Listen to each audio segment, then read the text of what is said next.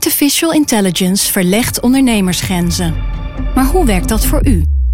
Als transformatiepartner helpt Capgemini u kansen te ontdekken en benutten, zodat we uw ideeën tot leven brengen. Vorm uw eigen mogelijkheden met generative AI. Ontdek meer op capgemini.nl/slash AI. Capgemini.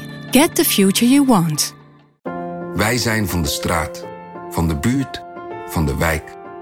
Wij zijn van heel Nederland. Samen zorgen we voor vrolijkheid, verbinding, feest. Samen brengen we in één jaar tijd 349 miljoen euro bij elkaar. Miljoenen waarmee onze goede doelenpartners de wereld groener, gezonder en rechtvaardiger kunnen maken. Nationale Postcode Loterij. Samen voor een betere wereld.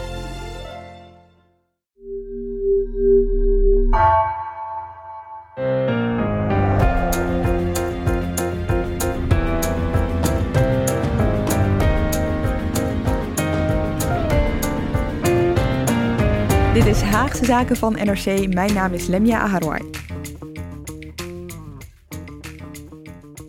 Welkom bij deze vertrouwde Haagse Zaken op zaterdag. De afgelopen week heb je ons ook eh, dagelijks kunnen beluisteren door de weeks.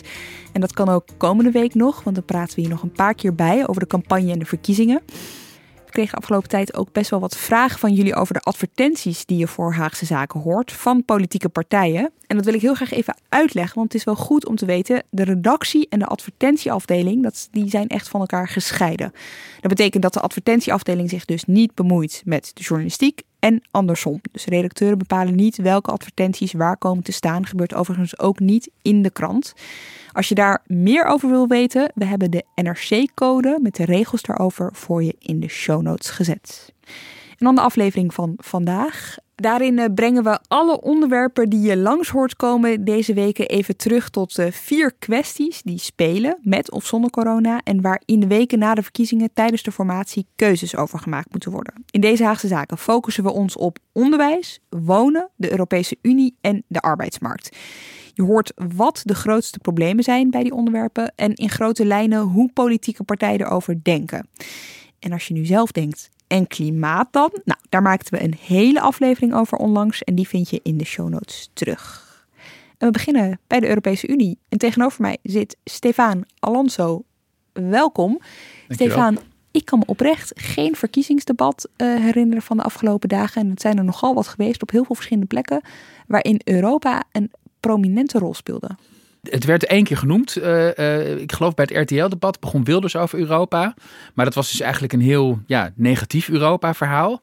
Het kwam woensdag even voorbij bij uh, Jinek, waar Rutte en Kaag uh, met elkaar uh, aan het praten waren. En daar viel het woord Europa ook even. Die harde internationale arena waar je bereid moet zijn om tot het gaatje te gaan. Niet bang moet zijn om impopulair te zijn. Want uiteindelijk nee, zijn de relaties met Merkel en Macron er niet slechter door geworden, maar beter door geworden. Je krijgt er alleen maar respect mee. Want anders denken ze, oh, dat Nederland doet toch wel mee.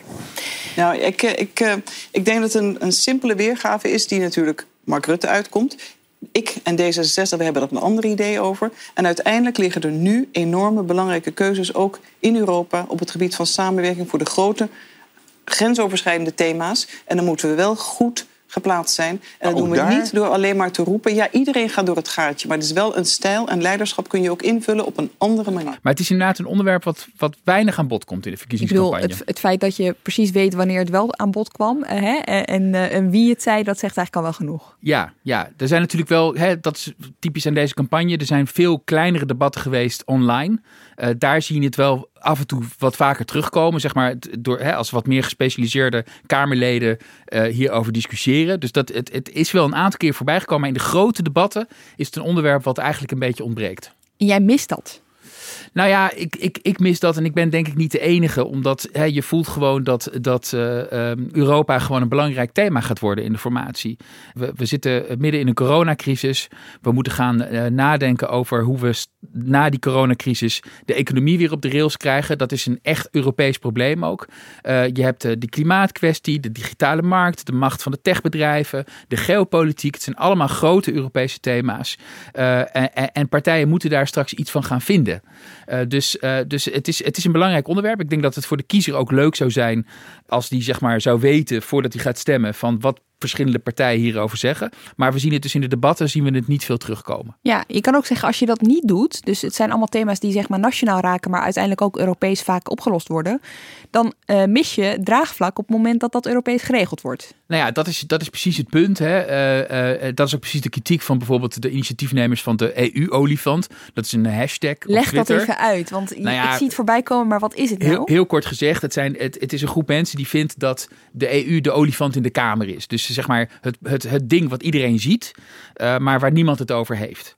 Uh, en, zij, en hun kritiek is dus inderdaad ook van als je het er nu niet over hebt, dan ga je later, in een later stadium, ga je mensen overvallen met allerlei complexe Europese problemen. Die, en, en mensen worden dan boos, weet je wel. En dat kan in het ergste geval kan dat dan in ons gezicht ontploffen. En uh, ja, kan er een soort negatieve sfeer ontstaan over Europa. Dus die mensen zeggen eigenlijk van je moet de kiezer al in een vroeg stadium meenemen in dat Europees verhaal. Want dat Europees verhaal komt hoe dan ook straks op ons af. Ja, hebben we deze week in de dagelijkse Haagzaak ook even over gehad, hè? die EU-olifant. Zeker. Misschien kun je even uitleggen waarom denk je dat het geen onderwerp is? Is het gewoon niet een sexy onderwerp of werkt het niet? Of... Nou, laat ik vooropstellen dat ik vond dat Frans Timmermans het laatst mooi zei op de radio. Die zei van ja, mensen hebben op dit moment gewoon hun eigen sores hè, met corona en zo. Dus het is ook best logisch dat Europa zeg maar niet in elk uh, debat uh, bovenaan de lijst staat. Uh, maar dan nog, hè, het is zo'n groot belangrijk onderwerp. Hè. We hebben het over miljarden die straks naar Europa moeten om zeg maar, de economie weer op de rails te brengen. En dat moeten er misschien daarna nog meer worden. Dus dat zijn wel debatten die, hè, dat zijn wel kwesties die je nu al in debatten aan bod zou kunnen laten komen. Nou ja, je noemde net al, want als het over Europa gaat, denken mensen heel vaak: oké, okay, uh, super breed, waar hebben we het dan over? En soms is dat ook, maakt dat het juist ingewikkeld om het over het onderwerp te hebben. Maar jij noemde net al een aantal dossiers die daarop uh, terug te voeren zijn. Migratie wil ik het ook nog wel eventjes over hebben. Want dat is typisch zo'n onderwerp dat ligt straks ook op de formatietafel. Hoe gaat Nederland daarmee om? Uh, je ziet dus dat uh, uh, hè, als je bijvoorbeeld naar de verkiezingsprogramma's kijkt, wat we de laatste tijd veel hebben gedaan op de krant. We hebben zelfs een prachtige NRC stemhulp gemaakt, waarin we zeg maar alle partijprogramma's thematisch ja, doorlichten eigenlijk. Zetten we even in de show notes. Het is echt hartstikke handig. Ja, ja. ja. En ook voor ons trouwens. maar je ziet dus in die stemhulp, ja. zie je dus dat, dat zeker als het gaat op het terrein van migratie, zie je gewoon enorme verschillen. En dat was eigenlijk de afgelopen vier jaar ook zo. En wat je eigenlijk de afgelopen vier jaar hebt gezien, is dat, dat er een soort stilstand was rondom het migratieverhaal. Het is niet echt vooruit gegaan, het is niet echt achteruit gegaan, er is eigenlijk niks gebeurd. En het probleem is nog steeds daar. Hè. Er zijn nog steeds zeg maar, landen om ons heen, Turkije, Libanon, Griekenland, waar heel veel vluchtelingen worden opgenomen. En waar wij als Europeanen iets mee moeten, zeg maar. Maar nou we doen er weinig mee. We als hebben het kinderpardon gehad. Ja, en we hebben de Moria-deal uh, gehad. Ja, maar dat was allemaal klein bier. Ja.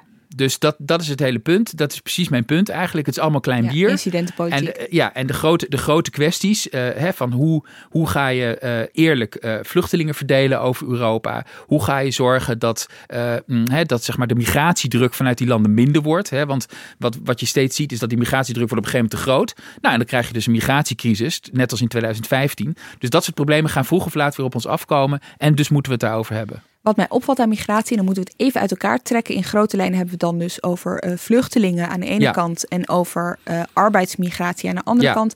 Quota, dat woord valt echt heel erg vaak. En bij de een is dat dan voor allebei. Hè. Het CDA vindt dat er quota voor allebei moet komen. D66 vindt dat er misschien wel quota voor uh, arbeidsmigranten moet komen. Ja. Wat, wat zie je daar verder?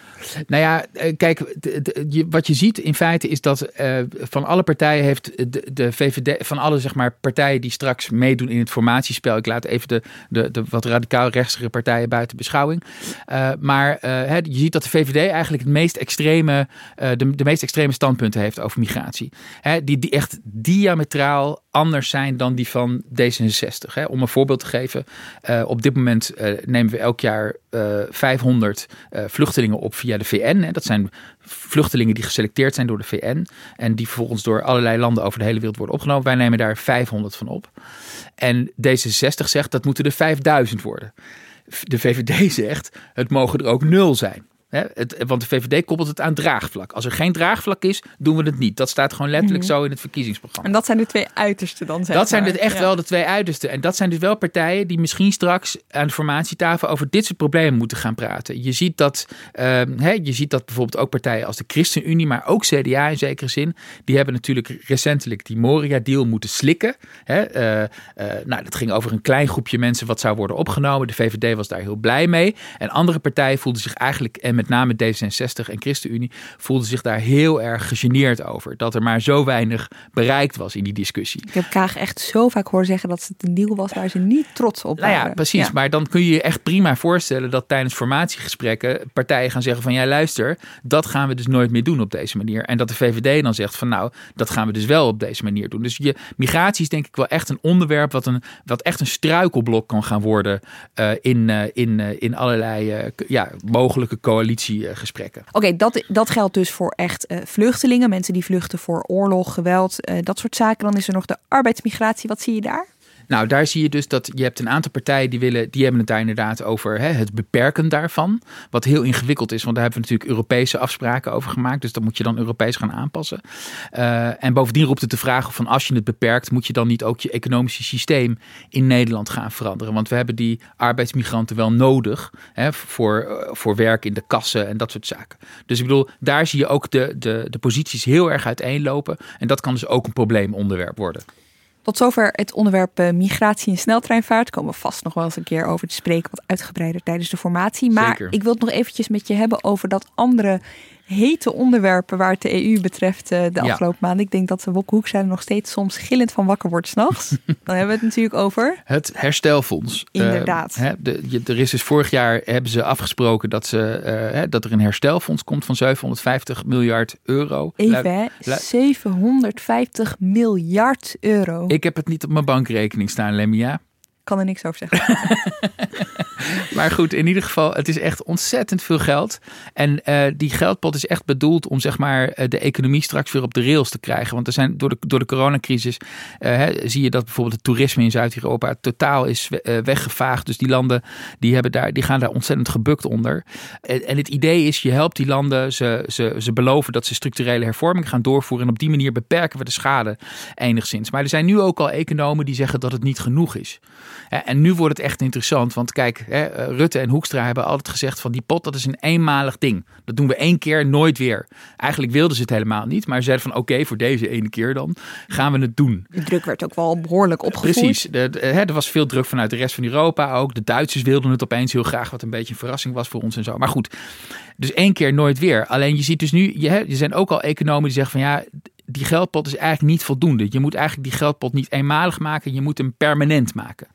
En waar komt dat door? Nou ja, even heel simpel gezegd, maar tijdens de coronacrisis zie je dat EU-landen verder uit elkaar gedreven zijn. En dat, dat komt dus doordat bijvoorbeeld in Zuid-Europa dat toerisme is ingestort. En dat komt ook bijvoorbeeld doordat Noord-Europese landen zoals Nederland en Duitsland, die bleken enorm diepe zakken te hebben om hun eigen economie te stutten. Dus je hebt, een je hebt, je hebt zeg maar landen die zeg maar geen staatssteun hebben kunnen geven. En je hebt landen die heel veel staatssteun hebben kunnen geven. En nou ja, die zijn dus enorm uit elkaar aan het groeien. En dat is voor de euro is dat uiteindelijk funest. Want hè, om, om de euro goed te laten functioneren, moeten alle landen economisch een beetje op elkaar lijken. En dat is eigenlijk precies het omgekeerde is nu gaande. Nou ja, en daarvan zeggen economen: als je wilt dat die landen weer wat meer op elkaar gaan lijken, dan moet je eigenlijk toe naar een soort permanent uh, herstelfonds. Dus dat wordt een enorme discussie. Tom Jan in zijn uh, Tom Jan Meeuws in zijn column, uh, die noemde het onlangs de, de, de echte coronacrisis. Ja. Die zei van we denken dat dit de coronacrisis is, maar die discussie over financiële solidariteit die straks gaat oplaaien, dat is de echte coronacrisis. als ik dit hoor, Stefan, hoe groot dit is en hoe nou ja, overheersend dit onderwerp dus wel de komende tijd weer zal zijn. Hoe kan het dan toch dat we er zo weinig over horen? Nou ja, ik denk, ik denk het is altijd lastig scoren met Europa. Hè? Dat, dat zie je zo. Er zijn weinig Kamerleden die eigenlijk Europa in hun portefeuille willen. Want het is altijd lastig om daar mee op tv te komen. Hè? Want je, je, je, je hebt het. Het is fijner om zeg maar te kunnen uitstralen dat jij als nationale politicus ergens 100% over gaat. En met Europese dossiers is dat altijd wat ingewikkelder. Dus ik denk dat daar een deel van de verklaring in ligt. Het zijn ook best ingewikkelde onderwerpen. En het zijn een beetje pijnlijke onderwerpen. Hè? Want uh, je ziet gewoon dat de, er, is een, er bestaat toch een neiging in Den Haag om niet te veel over dit soort zware keuzes die voor ons liggen te praten. En dan op een gegeven moment, dan, dan, dan moet je kleur bekennen in een, in een discussie die al, dan al een tijdje gaande is. Hè. In andere Europese landen wordt die discussie al gevoerd over financiële solidariteit. En dan krijg je dus steeds het argument van uh, we hebben ons laten overrompelen, het is ons overkomen. Precies, precies. En dan krijg je dus ook teleurstelling. Hè. Je kweekt eigenlijk teleurstelling. En dat is ook de, de kritiek van, van, van veel uh, ja, opiniemakers die, die Europa volgen. Die zeggen van Nederland is heel goed in het, in het kweken van zijn eigen nederlagen eigenlijk. Hè. Want we, we negeren het onderwerp, we doen net alsof het niet bestaat, want we vinden het eigenlijk alleen maar vervelend. En vroeg of laat worden we ingehaald door de werkelijkheid. Namelijk dat Frankrijk samen met Duitsland allerlei, en met Italië erbij straks met Mario Draghi. Die natuurlijk gewoon hè, eh, het Europese spel als geen ander begrijpt. En dan komen wij nog een keer. Uh, en dan moeten we gaan uitleggen van ja, er is iets gebeurd. En ja, sorry, maar we moeten het even uitleggen, et cetera, et cetera. Ik bedoel, en daar worden kiezers boos om. Hè? En daarom, dat is ook iets wat Frans Timmermans in datzelfde radio-interview zei. Je moet kiezers in een vroeg stadium meenemen in het Europese verhaal. Om het dan nog eventjes tot slot naar de campagne te trekken. In 2012, we kunnen het ons allemaal nog herinneren, als de dag van gisteren zei uh, Rutte tijdens een campagnedebat geen cent meer naar de Grieken. Ja. Nou, dat gebeurde daarna wel. Ja. Zie jij hetzelfde gebeuren met zo'n investeringsfonds? Wordt dat uiteindelijk gewoon een permanent investeringsfonds? Ik denk, ik denk dat het uh, uh, wel die kant op gaat, de discussie. Je kunt, je kunt het op verschillende manieren aanpakken, dit probleem. Daar ga ik nu niet op in, zeg maar. Maar er zal een oplossing moeten komen. En die, die hoor je dus niet. Daar hoor je dus niks over nu in Den Haag. Dus hè, dat, dat met de Grieken, dat was toen wel echt heel erg. Toen maakte Rutte het heel erg expliciet. Ik denk dat hij daar ook enorm van heeft geleerd. En dat hij misschien daarom nu ook zo weinig erover zegt. Want, want, want, want hij wist natuurlijk toen hij dat zei, wist hij dat het een niet erg realistische uitspraak was. Hè, want dat is vaak toch, je, je kunt wel zeggen van we, we gaan dit nooit doen, et cetera, et cetera. Maar je hebt te maken met een heleboel andere landen binnen de EU. En soms dan kun je die dynamiek wel beïnvloeden, maar je kunt hem niet totaal controleren, zeg maar. Dat is eigenlijk de, het, het steeds terugkerende patroon wat je ziet. Dus, uh, uh, uh, nou ja, goed. Ik bedoel, kijk, de, de, de, de debatten in Nederland zijn vaak verengd tot de vraag of je, of je voor of tegen de EU bent. Ja.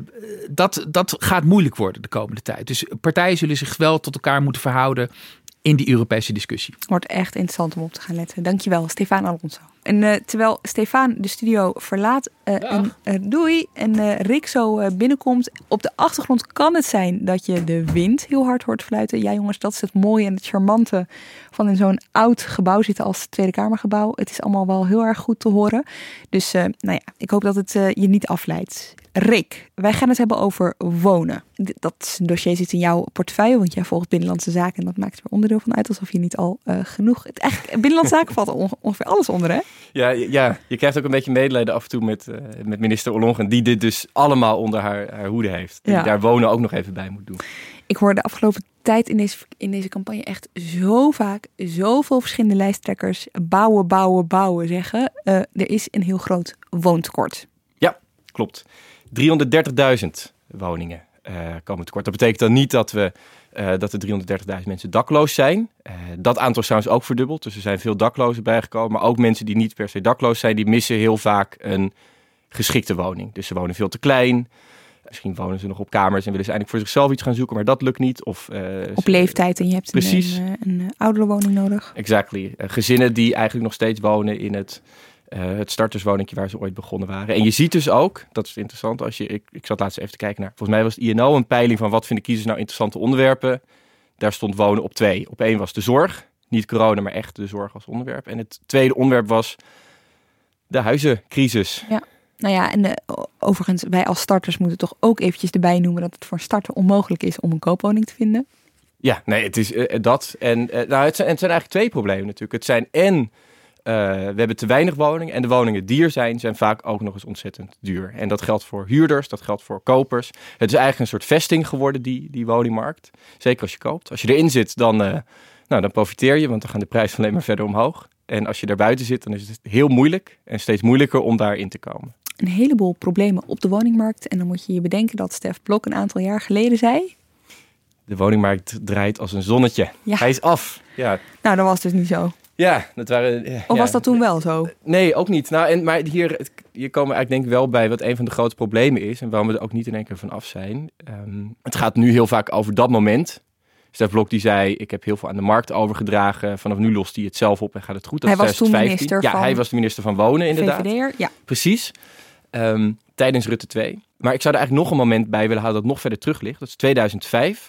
Toen is eigenlijk al heel veel van de uh, manier van de woningbouw is, is opnieuw vormgegeven. Omdat heel veel van het Rijk naar de provincie en de gemeente is gegaan. Nou, is vrij administratief om daar helemaal op in te gaan. Het ministerie van Vrom en van Wonen bestond er nou ook nog een tijdje. Maar eigenlijk, als je nu terugkijkt, zie je dat vanaf het begin van de eeuw er al steeds minder en minder en minder woningen gebouwd zijn. Tien jaar geleden was het crisis hadden we allemaal Nederlanders die een huis hadden dat onder water stond. Die, dat minder waard was dan toen ze het kochten. Dus toen wilden mensen ook helemaal niet dat er zoveel gebouwd werd. En nu betalen we daar eigenlijk de prijs voor. Dus nu zien we eigenlijk het resultaat van zo'n woningwet van een paar jaar geleden, die onder Stef Blok tot stand kwam. Zo'n decentralisatie van dat woonbeleid van 15 jaar geleden. En dat zegt dus ook iets over de komende jaren. Iedereen is er nu eindelijk mee bezig. Eindelijk is iedereen wakker geworden van links tot rechts dat er echt iets moet veranderen. Dus hoor je ze allemaal roepen. Zelfs als ze het allemaal eens zouden zijn, en ik ga je zo vertellen waarom dat volgens mij niet zo is, uh, dan zou je al jaren bezig zijn om zo'n tekort op te lossen. Omdat het zo lang duurt voordat je vaak het effect daarvan ziet. En als je nu een woning gaat plannen, ja, in Nederland, regeland, ben je daar gewoon makkelijk vijf tot tien jaar mee bezig voordat een hele nieuwe woonwijk bijvoorbeeld staat. Laten we het hebben over die plannen. Want eh, kijk, er is een woningtekort, daar is, dat is gewoon feitelijk. Ik bedoel, daar kun je weinig uh, tegen inbrengen of een mening over hebben. De, de vraag is, is er consensus in wat partijen voor oplossingen hebben ervoor. Het lijkt er wel op. Als je kijkt eh, naar debatten, dan hoor je inderdaad bouwen, bouwen, bouwen. Iedereen wil dat er woningen bij komen. Heel veel partijen zeggen ook, uh, we willen 1 miljoen woningen bouwen in 2030. Dus die hangen er een hele specifieke ambitie aan op. 100.000 woningen per jaar. Dat is veel meer dan nu. Nu zitten we net aan de 70.000. En je hoort ook vaak dat het dan gaat over willen meer regie pakken. Nou, als je dan iets verder gaat kijken, dan zie je, hé, hey, eigenlijk ziet dat er toch best wel heel anders uit als je iemand überhaupt altijd hoort zeggen in, uh, in de politiek dat ze meer regie willen, moet je altijd even doorvragen. Want wat ga je met regie doen, weet je wel? Ga je regie gebruiken om, uh, bijvoorbeeld, ga je regie gebruiken om binnensteden te bouwen? Of ga je juist uh, landbouwgrond en natuurgebieden, polders, tot woongebieden maken? Ga je regie misschien gebruiken om gemeenten, linkse stadsbestuurders te overrulen, zoals de VVD graag wil? Of ga je die regie gebruiken om uh, veel meer macht terug te geven aan die corporaties. Eigenlijk uh, die corporaties die Stef Blok net in, in hun hok had gestopt, die weer uit te halen en die weer veel meer woningen te laten bouwen. Daar zie je dus wel voor de huurders. tussen partijen. Enorme verschillen. En sterker nog, zulke grote verschillen dat, ja, dat het eigenlijk je moet dan echt keuzes gaan maken. En regie klinkt altijd leuk, alsof je iedereen samen aan een tafel laat zitten. Dat is, hè, dat, dat is wel aardig. Maar uiteindelijk gaat het er juist om welke knopen ga je doorhakken. Waar ga je bouwen? En dan merk je dat, ze, dat de partijen het daar helemaal niet zo over eens zijn. Kun je in grote lijnen vertellen hoe partijen erin staan? Nou, je ziet dat, uh, dat eigenlijk er nog maar één partij is die echt aan de, in het kamp van Stef Blok zit. En dat is de VVD. En die, uh, zelfs die partij zegt, we moeten meer regie pakken. Maar voor de VVD betekent dat dan vooral uh, die ziet dat er in sommige steden te weinig gebouwd wordt. En die wil eigenlijk een paar grote locaties aanwijzen. En dan wordt daar nu niet gebouwd. Volgens de VVD komt dat dan omdat bijvoorbeeld PvdA en GroenLinks daar aan de macht zijn. En die hebben ook andere ideeën voor wat ze met die plekken willen. Die willen meer binnen de stad uitbreiden. En de VVD zegt, bouw maar, plemp daar maar gewoon een paar grote wijken neer. Dat kan snel. Laat de markt dat maar doen. Het grote probleem is dat er regeltjes in de weg zitten. En dan komen we er wel. Wat de VVD niet wil, maar wat verder bijna iedereen inmiddels wil, is een minister voor wonen. En juist veel meer macht naar die overheid. Dus de VVD wil vooral regie gebruiken om lagere overheden uit de weg te, te ruimen. En, en de andere partijen willen vooral die regie gebruiken om weer veel meer centraal dingen te gaan organiseren. Ik hoorde Mark Rutte deze week bij Jinek in dat debat met Kaag voor het eerst zeggen dat hij eh, het onzin vond. Al een minister, een minister voor alles. Hè. Kaag wilde een minister voor digitale zaken volgens mij. En hij zei: Het enige waar ik nu wel wat voor inzie voor een volgend uh, kabinet is een minister voor wonen. Dat thema is belangrijk, inderdaad, mm. en de privacy, et cetera. Maar als je al die dingen aparte ministers hebt. Kijk, de enige waarvan ik denk dat zou misschien moeten, maar dat ben ik nog niet zeker. Daar moeten we echt ook in de informatie bespreken is een minister van Wonen. We hebben natuurlijk in het vorige kabinet gehad. Oh, nou, als, dus als, als Rutte al, al overstag gaat. Nou, maar hè, wat we nu ook hebben gezien net is, je bent er nog niet als je een minister hebt. Dan, dan, dan, dat kan een stap zijn. Wat ga je die minister laten doen? Weet je wel, uh, om een voorbeeldje te geven. Keizer Olonge wilde helemaal geen minister van Wonen worden. Die heeft eigenlijk op het allerlaatste moment dat woondossier in haar portefeuille erbij gekregen. Het maakt enorm uit wie dan die minister straks is en wat er voor taken ja, aan die minister worden gegeven. Wat willen nou heel veel van die andere partijen? De linkse partijen die zijn al een paar jaar terugbekomen van die, uh, die manier waarop Stef Blok naar de woningmarkt mhm. keek. Laat de markt het vooral maar oplossen. De PvdA die stond daar ooit nog achter. Die heeft bijvoorbeeld de verhuurderheffing gesteund. En nu zie je dat de PvdA daartegen is. Veel linkse partijen waren er al tegen. Zelfs het CDA zegt die verhuurderheffing, dat is een enorme extra belasting voor die woningcorporaties. Dat was een handige manier om geld te verdienen, maar dachten we. Maar dat heeft eigenlijk enorm veel uh, die woningcorporatie in de weg gezeten. Ja, want en juist daar moeten we gaan van het bouw, bouw, bouw, waar iedereen Precies, die hebben, als ik het goed heb, wel 10 miljard de afgelopen jaren betaald aan, aan belastingen, extra belastingen. Die zijn eigenlijk steeds meer als een soort marktpartij gaan functioneren. En heel veel partijen zeggen dus, hey, wacht, juist die woningcorporaties, die kunnen misschien ook weer heel veel gaan helpen als wij woningen moeten bijbouwen. Want we weten ook, die, hè, de, het makkelijkst voor de markt om te bouwen is natuurlijk een, een, een 201 kapper of een mooie villa in het groen. Uh, wat juist moeilijker is om te bouwen vaak, is ook die sociale huur. Daar staat niet elke marktpartij om te trappelen. En daar staat ook niet elke gemeente meteen om te trappelen. Want die weten inmiddels wel dat die sociale huur best wel een sector is geworden waar ook vaak mensen komen die uh, armer zijn, die vaak ook kwetsbaar zijn. En wat er nog meer met die gemeente gebeurt, die hebben allemaal andere taken erbij gekregen de afgelopen jaren. Jeugdzorg, Best wel uh, cynisch eigenlijk, hè? Dus ja. tekort, al die gemeenten merken dat er een tekort is, want die zitten met enorme wachtlijsten en die zien dat dat nodig is. En tegelijkertijd hebben ze het liever niet in hun eigen achtertuin. Ja, heel, ja er stond een tijd terug echt een schrijnend verhaal in De Groene over hoe sommige gemeenten echt dit soort uh, kwetsbare groepen bijna uit een stad proberen te krijgen. Echt letterlijk het treinkaartje betalen om maar ergens anders in Nederland te, ga, te gaan wonen en daar een woning te gaan zoeken.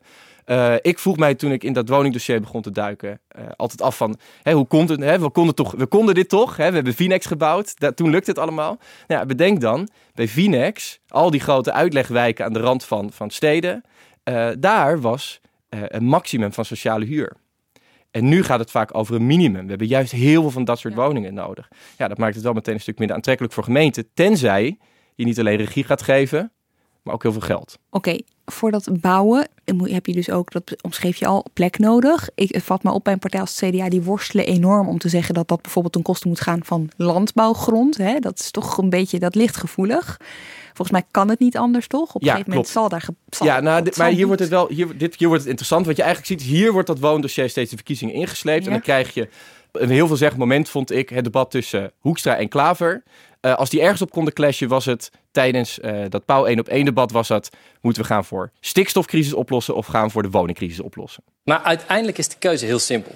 Wil je koeien of wil je huizen? Het stikstofprobleem, u begon er zelf over, is enorm in Nederland. En daardoor kunnen we in Nederland op dit moment eigenlijk geen huizen bouwen. Ja, hè, klinkt hartstikke mooi natuurlijk, maar het is echt te simpel. Uh, misschien nog wat meest omdat je denkt, nou, als we die stikstofcrisis oplossen, dan kunnen we weer gaan bouwen. Nee, daar zijn nog veel meer hordes voor. Maar ook omdat er zijn heel veel plekken waar dat stikstofprobleem veel minder een, een, issue is. Dat zit steeds bij die natuurgebieden. En ook op allerlei andere plekken wordt er nu te weinig gebouwd. Dus hè, ik begrijp dat GroenLinks de stikstofcrisis wil oplossen. Ik begrijp ook dat zij het zo uh, graag zo willen presenteren als een keuze die het CDA niet durft te maken en zij wel. Uh, maar het is echt wat complexer dan dat. Het is moeilijker al, je noemde het net al, ga je landbouwgrond inruilen ja. voor, uh, voor woongebied. Ja. Maar bedenk ook dan, er is in Nederland nu zoveel landbouwgrond. Kijk, het is niet, het, als jij gewoon boeren zou gaan uitkopen de komende jaren, ja, dan kun je best wat gaan bijbouwen. Sure, dat is wel moeilijk. En er zijn CDA's die moeten nog even over hun eigen schaduw heen stappen. Is, ligt het probleem alleen bij het CDA? Of zijn er meer, problemen, of zijn er meer uh, partijen die denken... Nou, we zien bijvoorbeeld dat de VVD dat ook wel moeilijk vindt. Of uh, bij kleinere partijen, een SGP bijvoorbeeld. Maar bedenk wel, er is, ik, het cijfer dat ik wel eens gehoord heb... als je een paar procent van de landbouwgrond zou inruilen, dan ben je er al. Kijk, wat wel onhandig is, is dat juist van die landbouw zeggen we ook... die willen we extensiever maken. Dus we willen juist minder opeengepropt vee op het land. Ja, het is heel logisch dat we de komende jaren dat we toegaan naar minder landbouw. Het is ook heel logisch dat we meer huizen gaan bouwen.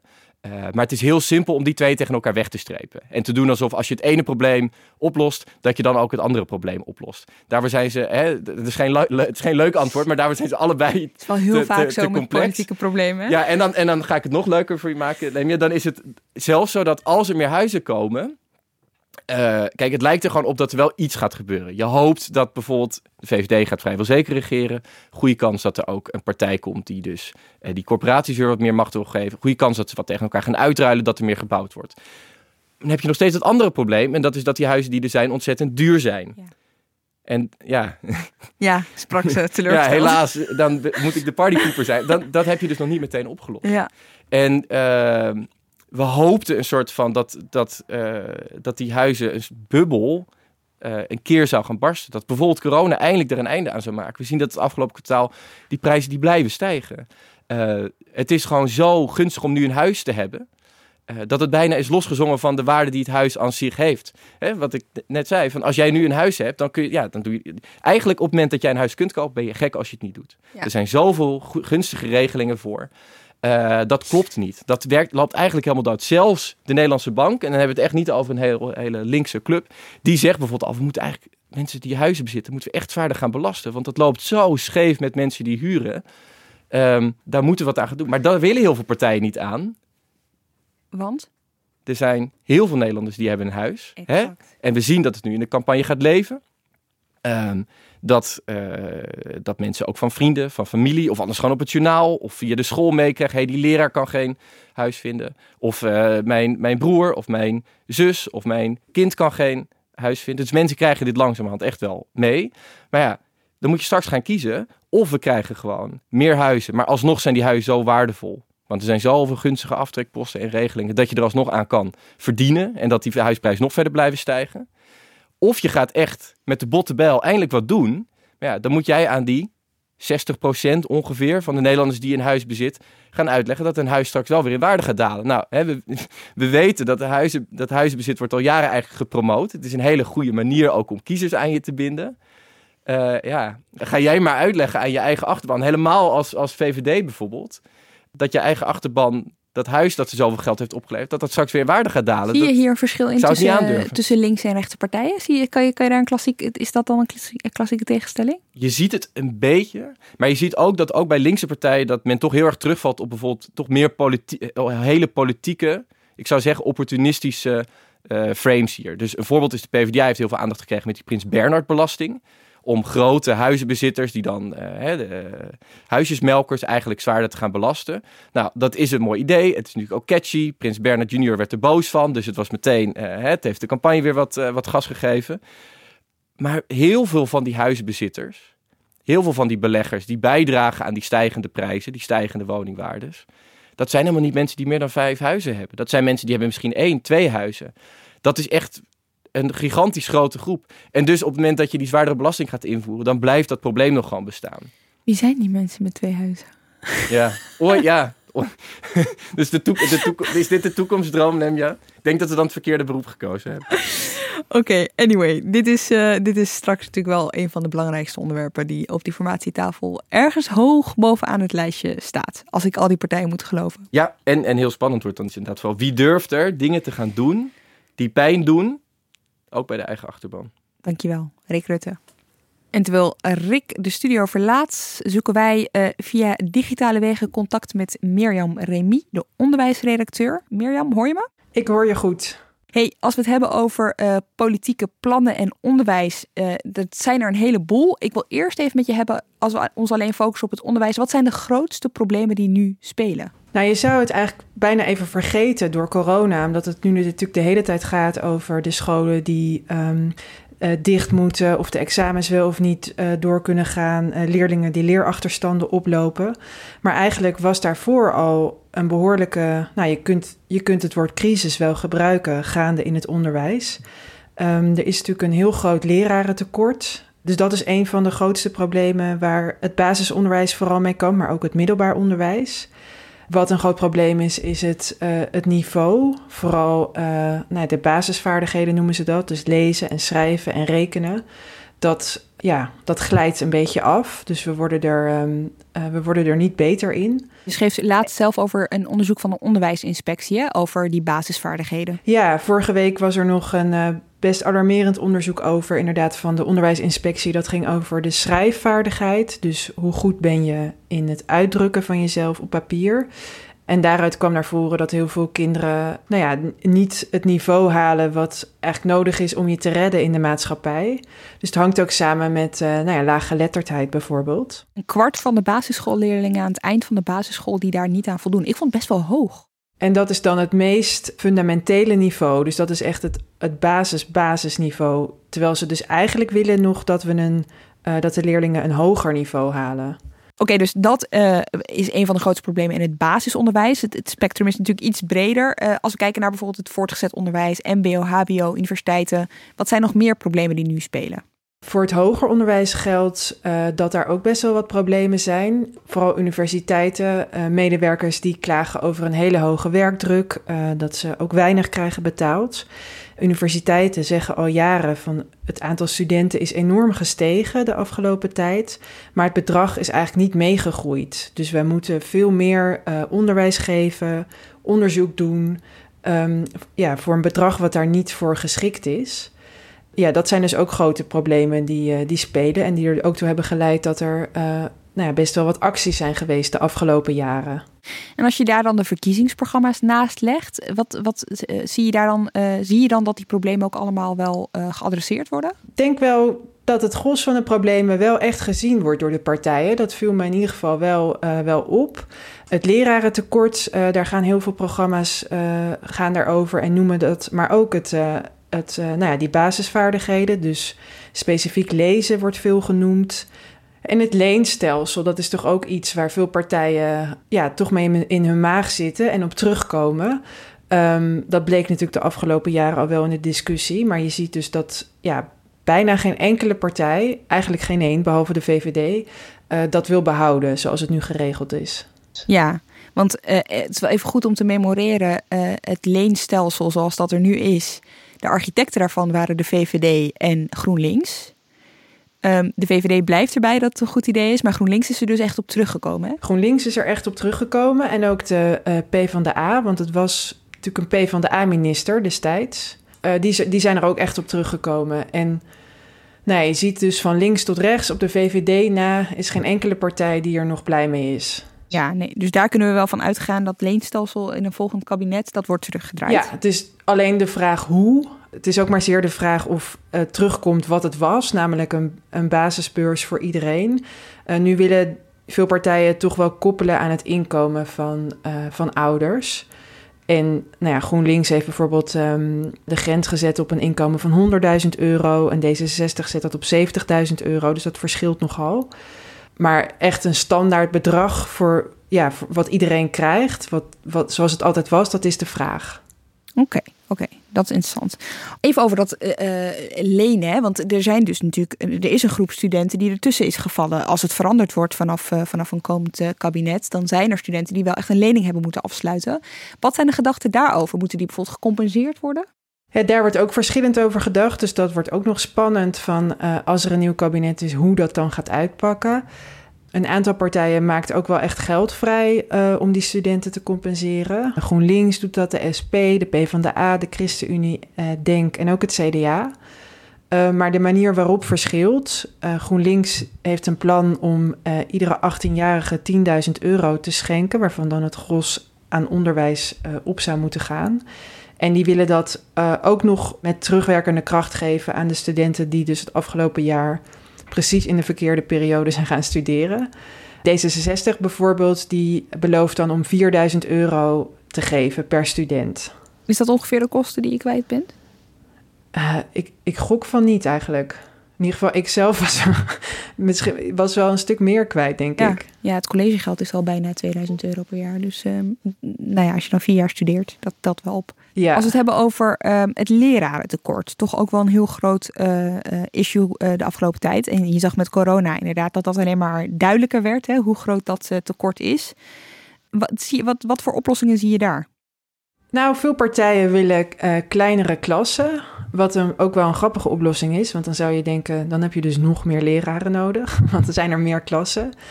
Maar ze, ja, ze denken toch dat, uh, nee, dat dat kan helpen om uh, de, nou ja, dat leraren beter hun werk kan doen, kunnen doen. Um, dat ze uh, nou ja, meer, meer aandacht kunnen geven aan alle leerlingen. En ze willen ook wel allemaal dat de status van de leraar verbetert. Dat betekent in de praktijk meer geld. Ja, ja. En ja, dus dat, dat komt inderdaad neer op, op meer geld. En eigenlijk willen heel veel partijen ook de salarissen verhogen. D66 bijvoorbeeld, GroenLinks, SP, de PvdA en de ChristenUnie willen het uh, salaris van de basisschoolleraren gelijk trekken met die van het voortgezet onderwijs. Uh, en dat is waar be, nou ja, bij het aantreden van het vorige kabinet toen heel veel over gestreden en gediscussieerd werd. Want toen kwam dat, nou ja, die roep daarom eigenlijk op gang. Dus je kan wel zeggen dat dat een heel succesvolle lobby is geweest. Al moet het natuurlijk nog gebeuren. Maar ze hebben in ieder geval uh, uh, flink geluisterd naar de basisschoolleraren. En wat je net zei, hè? Uh, je had het over dat lezen en schrijven en die basiskwaliteiten waarin vooral scholieren dus nog achterlopen. Zijn daar, kunnen, durven partijen het aan daar concrete voorstellen voor te doen? Nou, heel concreet wordt het niet ingevuld. Ik zag wel bijvoorbeeld dat de, het CDA en de ChristenUnie echt een bedrag noemen. Wat ze, nou ja, wat ze willen gebruiken voor een soort leesoffensief, noemen ze dat. Maar ja, wat dat dan inhoudt, dat weet ik niet. nou ja, de PvdA heeft het bijvoorbeeld over uh, scholen meer controleren op hoe ze uh, omgaan met, met taal. Dus er worden wel wat, nou ja, je kunt wel wat flarden eruit opmaken, maar de precieze invulling niet. En dat is, ligt ook altijd gevoelig, want officieel mag de politiek niet voorschrijven hoe het onderwijs uh, les moet geven, alleen maar wat. Oh ja, is dat gewoon wettelijk vastgelegd? Ik weet niet of dat wettelijk is vastgelegd. Dat is een soort regel die je heel vaak terug hoort. Van de politiek gaat over het wat en niet over het hoe. Want dat is natuurlijk de vrijheid van, van, van onderwijs. Om te voorkomen dat er eh, politieke inmenging plaatsvindt ook bij het lesgeven. Uh, dat is ook wel best wel lastig om te, uh, om te controleren. Want in de praktijk gaat de politiek soms dan toch over het hoe. Ik weet niet of je bijvoorbeeld nog kunt herinneren dat in het vorige regeerakkoord stond dat uh, kinderen het Wilhelmus moeten leren.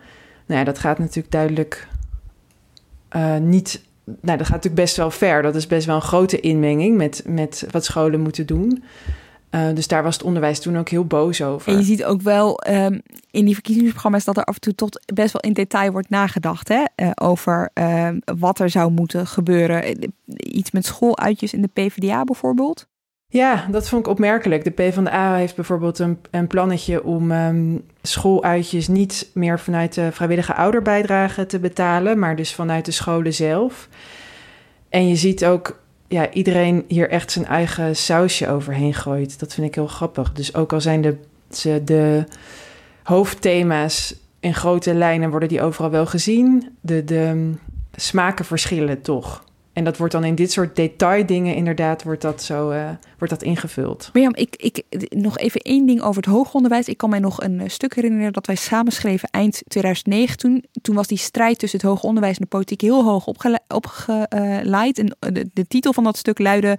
Welke politieke partij komt er nog echt op voor onderwijs. Op dat moment was ook vooral het hoger onderwijs en de universiteiten... die waren gewoon echt heel erg boos op minister van Engelshoven, D66, uh, van, van hoger onderwijs hoe, hoe zie je zeg maar, die frustratie van toen? Zie je daar iets over terug in de verkiezingsprogramma's? Is daar extra aandacht voor bijvoorbeeld?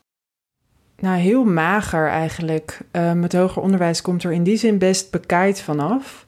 Er is um, vorige week een, een, onderzoek vrijgekomen waaruit blijkt dat uh, het, het, hoger onderwijs inderdaad een miljard uh, extra zou moeten krijgen om te, te compenseren voor die, nou ja, die studentenaantallen die zo zijn opgelopen de afgelopen jaren. En daarmee hebben, ze, uh, hebben universiteiten na een heel lange discussie gelijk gekregen. En eigenlijk is D66 de enige partij die nu uh, daadwerkelijk in het verkiezingsprogramma zegt van uh, wij willen een, dat miljard extra investeren. De nou ja, minister van Engelshoven die heeft dat eerder ook wel, wel een keer gezegd in onze krant. Van ik, ik zie dat, dat er een miljard nodig zou zijn om het onderwijs en onderzoek op peil te houden.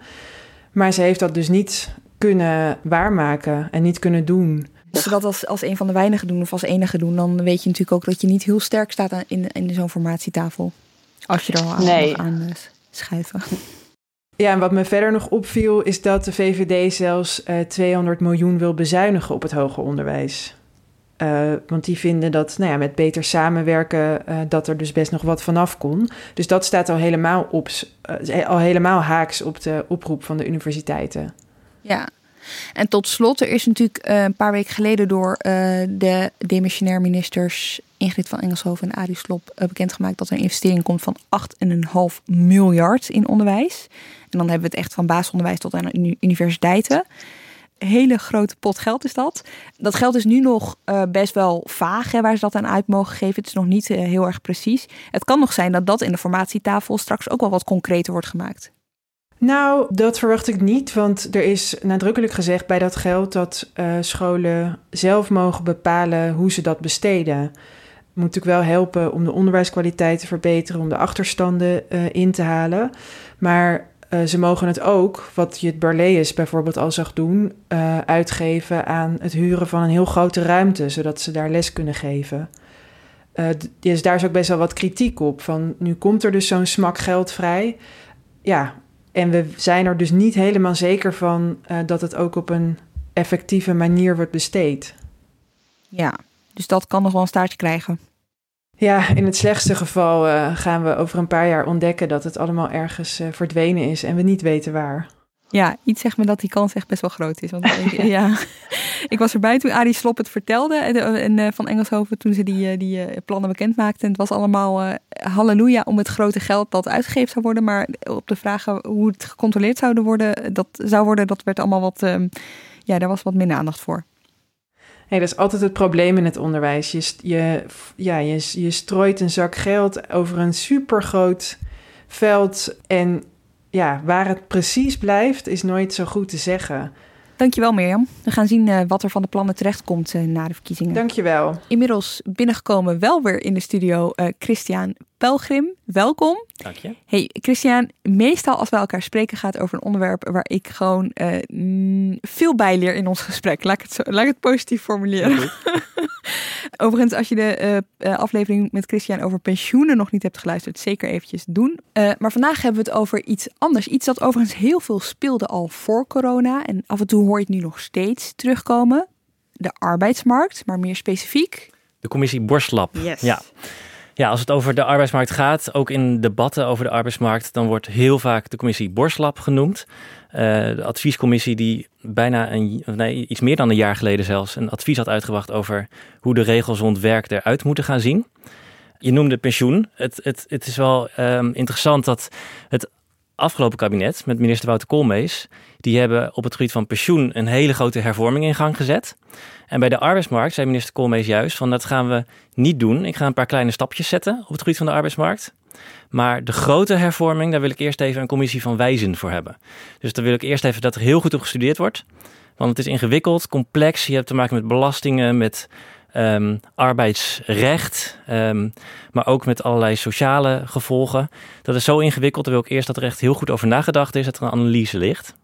Nou, dat was dus de commissie Borstlab. En daar kwamen echt ontzettend veel adviezen uit. Hè? Ik, eh, weet, ik weet nog dat Marieke en jij toen op de, op de redactie met rode wangen echt al, alles aan het doorploeteren waren. Ja, dat was wat werk. Ja. Um, hoe is het daar nu mee? Als we kijken naar de arbeidsmarkt, ik bedoel, dat zijn de voorstellen, maar wat zijn nu de grootste problemen? Ja, nou, die problemen die, die werden echt al jarenlang geconstateerd door allemaal instituties. En dat was ook de reden dat het kabinet zei: hier moet echt even goed naar gekeken worden. Um, het belangrijkste is, Nederland heeft bijzonder veel flexwerk. Als je ook kijkt naar landen om ons heen, eigenlijk vergeleken met heel veel uh, westerse landen. Maar het grootste probleem wat, wat geconstateerd wordt, is de grote kloof tussen de kansrijken en de kansarmen op de arbeidsmarkt. Dus als je bijvoorbeeld hoogopgeleid bent, uh, van de hoogopgeleiden hebben twee op de drie een vast contract. Um, nou, en als je kiest om uh, zelfstandig ondernemer te worden, dan heb je vaak gewoon dat je zelf je tarief bepaalt. Je hebt veel vrijheid. Nou, dat is prima. Als je laag opgeleid bent, dan heeft ongeveer de helft een vast contract. Dat is echt veel minder. Um, en ZZP'ers hebben vaak veel minder inspraak op hun tarief. En als je dan ziek bent, dan heb je ook helemaal geen vangnet of zo, wat je als werknemer wel zou hebben. Dus um, die kloof tussen de kansrijken en kansarmen, daarvan werd gezegd al jarenlang, die is veel te groot. En dan, uh, kijk, er is consensus over dat er een probleem is op de arbeidsmarkt, dat die ja. hervormd moet worden. Maar ja, dan uh, komt er zo'n uh, advies, hè, die commissie van wijzen die spreekt zich uit. Hoe kijken vervolgens partijen ernaar als je de verkiezingsprogramma's naast elkaar legt? Wat valt je dan op? Ja, um, uh, heel verschillend. Misschien is het eerst goed om nog even te zeggen wat, wat in dat rapport staat. Want er zijn eigenlijk vier dingen. Er staat heel veel in. Ook heel veel kleinere, concrete plannen. Maar je kunt het eigenlijk samenvatten in vier hoofdpunten. Flexwerk moet minder flex worden. Dus flexwerkers krijgen meer rechten. Mm -hmm. um, vastwerk moet minder vast worden. Dus als je een vast contract hebt, dan um, kun je bijvoorbeeld wat, bijvoorbeeld wat makkelijker ontslagen worden. Wie werkloos raakt, moet veel beter en persoonlijker begeleid worden naar een nieuwe baan. En de vierde is dan dat um, mensen ook veel beter zich moeten kunnen laten bij- en omscholen. Dus als je bijvoorbeeld uh, in een beroep werkt dat, dat dreigt te verdwijnen door, door technologie of robots. Um, dat je je kunt omscholen naar een beroep waar nog wel heel veel werken in is. Ja. Zorg, onderwijs. Precies. Stel je werkt in een fabriek en uh, je wil docent worden. Ja, precies. En dat, daar, dat dat veel beter geregeld moet worden in Nederland. Nou, dat zijn vier hoofdpunten. Vooral flex, minder flex en vast, minder vast. Daar ging de discussie het meeste over. Wat ik me wel afvraag bij dat uh, vast, minder vast maken, uh, is uh, onze generatiegenoten zullen dromen van vastcontracten, denk ik, voor een groot deel Christian, Zeker, ja. dertigers. Um, waarom zou je dat minder vast willen maken? De commissie Borslap die redeneert dat dat flexwerk, dat, dat komt wel ergens vandaan. werkgevers doen dat niet zomaar. Um, bedrijven die voelen zich onzeker. Dus ze durven geen vast contract meer te geven. En nou is het ook zo dat Nederland, als je het ook weer vergelijkt met andere westerse landen, best wel veel bescherming geeft aan vaste werknemers.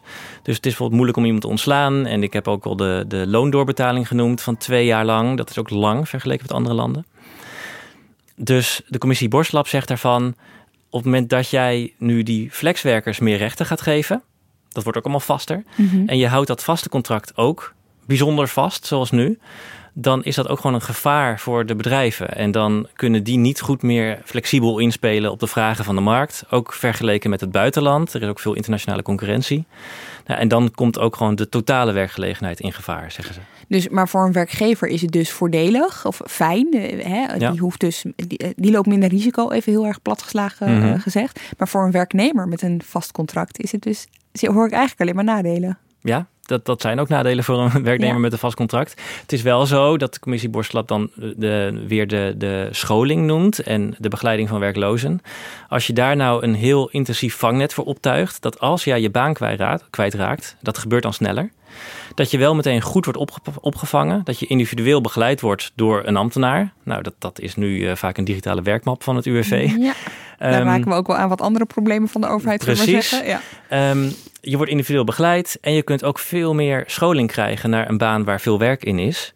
Ja, dan is dat toch ook een ander soort bescherming. Ja, en als je dan naar de partijen kijkt, dan um, zie je heel veel verschillen. Ja. um, het is vooral zo dat iedereen wel de commissie Borslap noemt als inspiratie. Het is echt, ja, het is echt bijna heilig. Het is bijna ja. een heilig boek, dat rapport. Ja, nee, je zou het al een bijbel kunnen noemen. Ja. Um, en net als de bijbel wordt er uh, ook uh, verschillend uit geciteerd.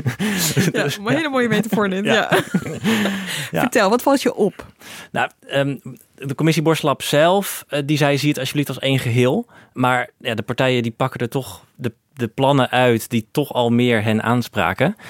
En een bekend voorbeeld is natuurlijk Wopke Hoekstra en de WW. Jazeker. Uh, die heeft dus voorgesteld, laten we de WW uh, inkorten hè, van ja. twee naar één jaar. Dat is het belangrijkste uit het voorstel. Ja. Hij wil ook het uh, heel stapsgewijs dan afbouwen. Ja. Ja, dat idee is als, zeg maar, als apart idee vervolgens een eigen leven gaan leiden. En uh, Borstlap reageerde daar vervolgens ook op van ho ho, dit is niet de bedoeling. Ik heb steeds gezegd, nou precies wat jij zegt. Het is onderdeel van een groter verhaal. Wat gebeurde daar nou eigenlijk verder? Ja, hij, hij verdedigde dus door te zeggen: ja, maar ik pak juist de hele commissie Borstlab. Andere partijen die, die shoppen daar selectief uit. En ik durf ook de minder populaire voorstellen eruit te nemen. Ze zegt: ja, die WW die wordt dan korter, van twee naar één jaar, maar hij wordt ook hoger dan nu. Kort en hoog. Nou, het is inderdaad waar. De commissie Borstlab schrijft: de WW mag best korter en hoger. Maar die commissie schrijft ook: dat kun je niet apart doen. Je moet het in samenhang zien. Die WW kan korter en hoger worden op het moment dat je werklozen veel intensiever gaat begeleiden, veel persoonlijker. Dus dan gaat het over het UWV en de gemeenten. Um, en staat dat ook in de plannen van het CDA?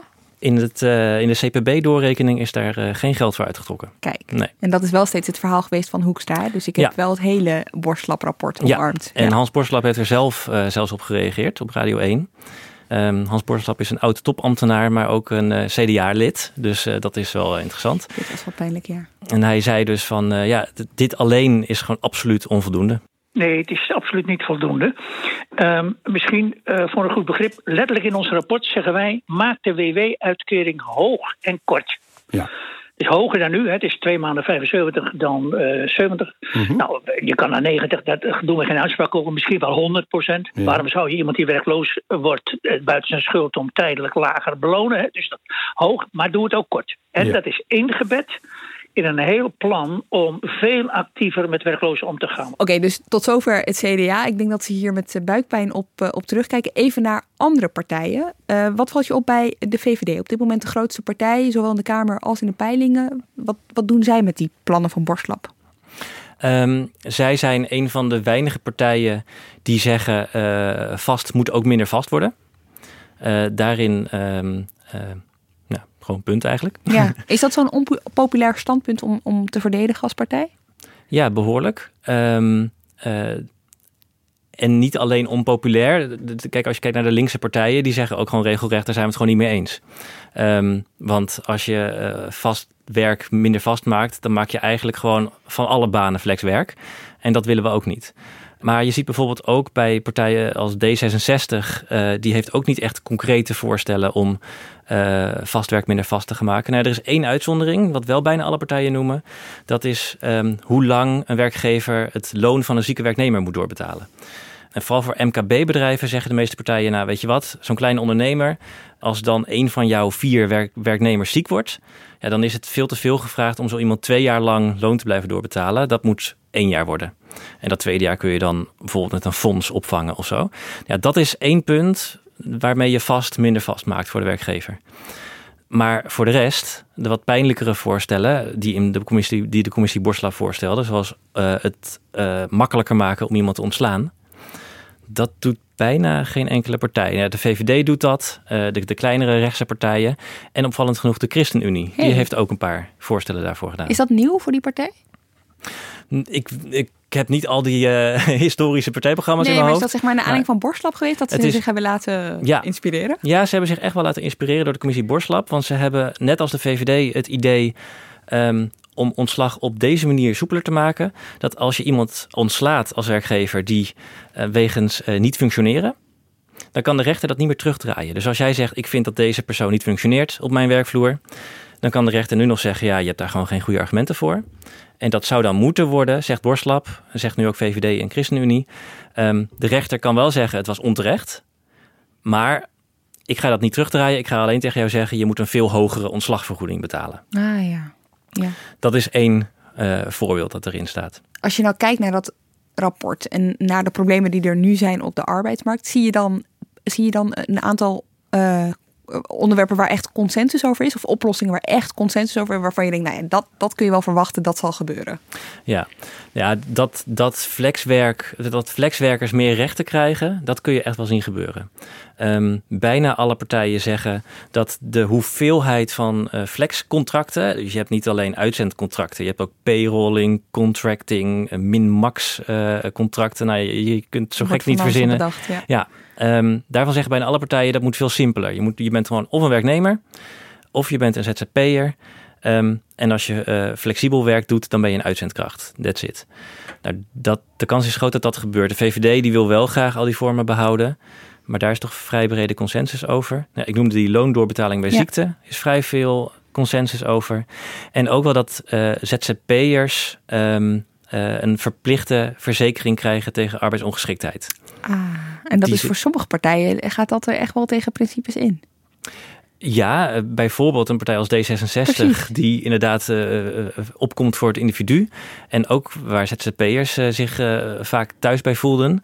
Um, maar de D66-minister Wouter Koolmees heeft ook in het pensioenakkoord afgesproken dat er zo'n verplichte arbeidsongeschiktheidsverzekering komt. En dan denk je misschien dat heeft niks met pensioen te maken en dat klopt. Maar dat had ermee te maken dat de vakbonden een pensioenplicht wilden voor ZZP'ers. Nou, dat kwam er niet door. Maar de arbeidsongeschiktheidsverzekering voor ZZP'ers was dan het uh, alternatief. Ja. Het punt met dit onderwerp is dat je weet dat er echt wel grote veranderingen nodig zijn. En dat die ook wel zullen moeten. Ja, dat zal gewoon moeten gebeuren. Ik ben, ik ben erg benieuwd hoe ze dit in de formatie gaan aanpakken. Ja, dus of ze meteen knopen gaan doorhakken. Of dat ze het weer een beetje uitstellen door te zeggen: Weet je wat, uh, het ontslagrecht uh, versoepelen. Daar willen we nog twee onderzoeken naar, weet je wel? Ja. Dus hoe, hoe snel ze knopen zullen doorhakken. Ja. Ja, kijk, je, het is natuurlijk heel moeilijk te voorspellen op dit gebied. Tuurlijk, het, is wel zo, er zijn al zoveel onderzoeken geweest. En bij de commissie Borslap heeft iedereen zo hard gezegd van... nou, nu kunnen we het echt niet meer uitstellen. Dat het op een gegeven moment ook een beetje ongeloofwaardig zou worden... om dan te zeggen, we hebben meer onderzoek nodig. Ja. Want daarvoor hebben ze nu eigenlijk al iets te hard gezegd... Um, de analyse is duidelijk, nu moet er actie komen. Ja, en die actie die gaan we dus zien uh, vanaf uh, volgende week. Dankjewel, Christian. Christian Pelgrim. Graag gedaan. En jij ook weer bedankt voor het luisteren. En uh, als je er nog niet van op de hoogte was, terwijl ik het toch echt wel elke dag ongeveer tien keer Twitter en overal zeg. Tot aan de verkiezingen maken we bij Haagse Zaken een dagelijkse podcast. Abonneer je dus op Haagse Zaken, dan komt alles automatisch je feed in rollen. Voor exclusieve NRC-podcast en een extra Q&A deze zondag download je de NRC Audio app waar je die aflevering in kunt luisteren. De redactie en productie van deze aflevering waren in handen van Iris Verhulstonk. Maandag is er weer een Haagse Zaken en dus morgen ook via de NRC Audio app en extra. Tot morgen!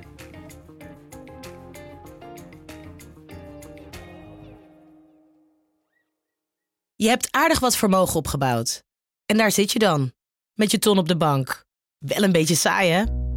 Wil jij, als belegger, onderdeel zijn van het verleden of van de toekomst? Bridgefund is een slimme fintech die een brug slaat tussen de financiële behoeften van ondernemers en van beleggers. Dus wie belegt bij Bridgefund krijgt niet alleen een mooie vaste rente, maar brengt ook ondernemers in beweging. Echt waar, met die ton kan je zoveel betere dingen doen. Bridgefund. Make money smile.